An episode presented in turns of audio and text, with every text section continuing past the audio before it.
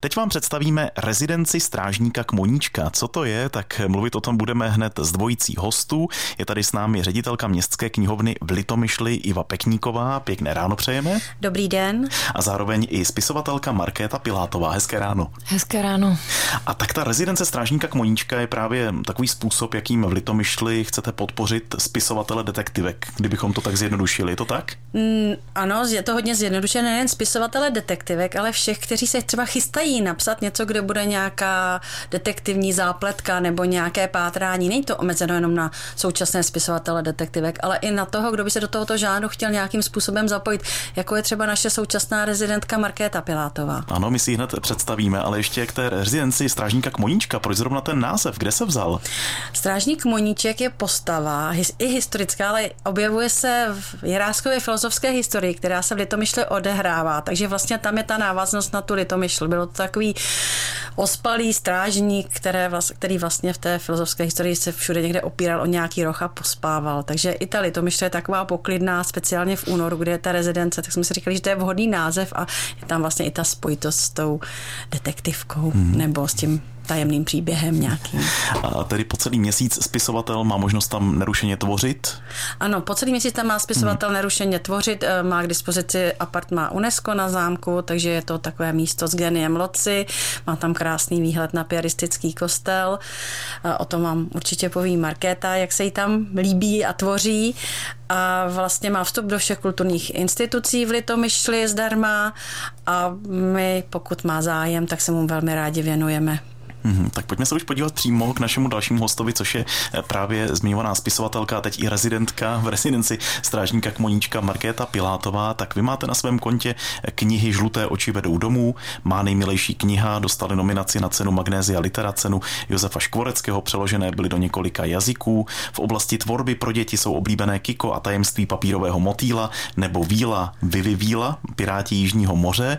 Píšete písňové texty pro zpěvačku Moniku Načevu. A teď najednou jste se pustila právě do této další výzvy. Co vás k tomu přimělo?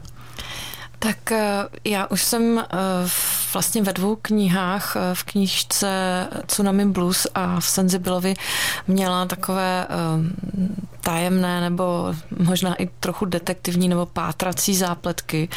Takže jsem si říkala, že v té další knížce to trošku ještě prohloubím a ta další knížka bude vyloženě o pátrání po skupině ztracených německých dětí za odsunu ve Velkých Losinách, takže je to vlastně příběh s nějakým tajemstvím a já jsem si eh, podala vlastně žádost o tu rezidenci. Eh, tam eh, jsem napsala takový projekt, na čem chci pracovat v Litomyšli. No a ono se to povedlo, tak, tak jsem tady a je to nádherný. Je to nádherný, protože uh, ta rezidence je opravdu na naprosto unikátním místě a má uh, ten byt, má skutečně ducha a ještě se nachází na tom zámeckém návrší. Takže tam je úplně všechno, co spisovatel potřebuje. Je tam klid, je tam inspirativní prostředí a kolem vás jsou taky milí lidé, kteří tady tu rezidenci vymysleli, konkrétně dvě ženy, Iva Pekníková, ředitelka knihovny v Litomyšli a Martina Zuzaňáková, ředitelka galerie v Litomyšli. A když se dají takové akční ženy, které mají rády literaturu dohromady, tak je z toho potom tady ta unikátní rezidence. A říkám unikátní a můžu to tak říct, protože já už jsem eh, byla na asi pěti nebo šesti rezidencích v zahraničí, eh, ve Vídni, eh, byla jsem v Berlíně, v Lipsku a musím říct, že tady ta rezidence je mnohem lepší, než, než byly ty rezidence v zahraničí. Tak to byli to myšli potěší, taková no, chvála. Určitě, určitě. jako, určitě nás to pochopí. Je pravda, že my to děláme srdcem a snažíme se a že vlastně město, eh, vlastně organizátoři té rezidence je město Litomyšl galerie, Litomyšl a knihovna Litomyšla, že se všichni opravdu snažíme, aby se těm spisovatelům do budoucna, doufáme, u nás líbilo a Markétě zatím se líbí, tak hmm. doufám, že to tak bude pokračovat až do konce února. Posloucháte Český rozhlas Pardubice, povídáme si o rezidenčním pobytu v Litomyšli, který se teď týká spisovatelky Markéty Pilátové. Společně s ní je ve studiu i ředitelka městské knihovny z Litomyšle, paní Iva Pekníková. Už jsme tady slyšeli od vás, Markéto, že máte zkušenost ze zahraničí s těmi rezidenčními pobyty. Myslíte si, že to má nějakou budoucnost i tady u nás a že by se měly ty rezidenční pobyty dělat v různých městech?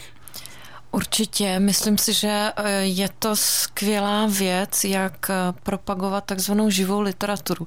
To znamená, že mm, ty knížky eh, dneska se říká, že jsou vlastně jakoby na ústupu, že je to takové jako zastaralé číst si knihu, ale myslím si, že to není pravda a že lidi čím dál víc, nebo vidím to i na, na sobě, že čím dál víc jezdím na eh, čtení do knihoven, ale nejenom do knihoven, ale třeba na hudební festivaly, které mají často teď už literární sekci, protože lidi zjistili, že mm, takové to koukání do monitorů a do různých krabiček eh, je takové dost osamělé a že eh, čím dál víc vyhledávají takové jako kulturní zážitky, které jsou jako nějak autentické. Takže setkání s autorem, který čte z vlastní knihy vlastním hlasem, je prostě v něčem eh, zajímavé pro to publikum a je to čím dál zajímavější. A ten spisovatel na té rezidenci může tam dostat inspiraci, má tam eh,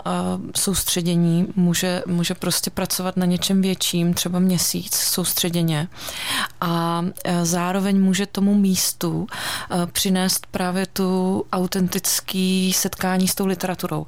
To znamená, že když teda jsem teďka na, ty, na té rezidenci, a to je teda všude na těch rezi, rezidencích, že ten spisovatel e, tam není jenom, aby tam seděl u stolečku a psal si, ale taky jako má za úkol propagovat literaturu jako takovou, čili setkávat se s veřejností, dělat nějaká čtení třeba mm, v tom městě, v knihovně nebo v galerii, že jo, to budeme mít ve čtvrtek takové setkání první a to je většinou součástí eh, těch rezidencí.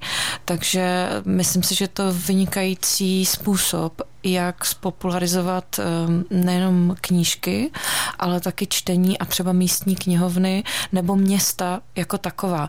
Ono třeba v zahraničí eh, je mm, často taková tradice, že některé město si vybere spisovatele nejenom třeba místního, ale i zahraničního, třeba Grác má tady tohle a ten spisovatel tam může být rok a je to uh, jako spisovatel toho města. Mm-hmm. Čili je to takový městský spisovatel, který na rok tam, uh, tam je v tom městě a zároveň ta města to berou jako propagaci.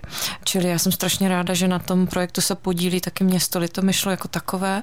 Uh, pan starosta je velký čtenář, já jsem se s ním jednou setkala a on mi vyprávěl, jak čte svým dětem, což mi mě dojalo, že, že ještě existují rodiče, kteří čtou svým dětem před spaním. Takže eh, je to výborná forma, jak lidi přitáhnout eh, ke knihám, ke čtení a ke čtenářství. A teď ještě k paní Ivě Pekníkové. Máte nějaké další záměry s tou rezidencí strážníka Kmoníčka, nebo je to jenom jednorázová akce ne, pro ne. Marketu Pilátovou a tím to končí? Ne, Jak ne, to ne, bude? my jsme vybírali z pěti autorů, mm-hmm. kteří se nám přihlásili.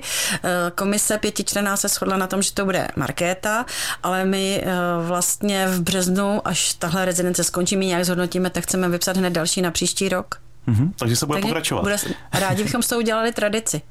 tak se budeme těšit na případné další spisovatele, kteří zavítají k vám do Litomyšle. Dnes tady s námi byla Markéta Pilátová. Moc děkujeme, že jste přišla. Naslyšenou, mějte se. Děkuji za pozvání.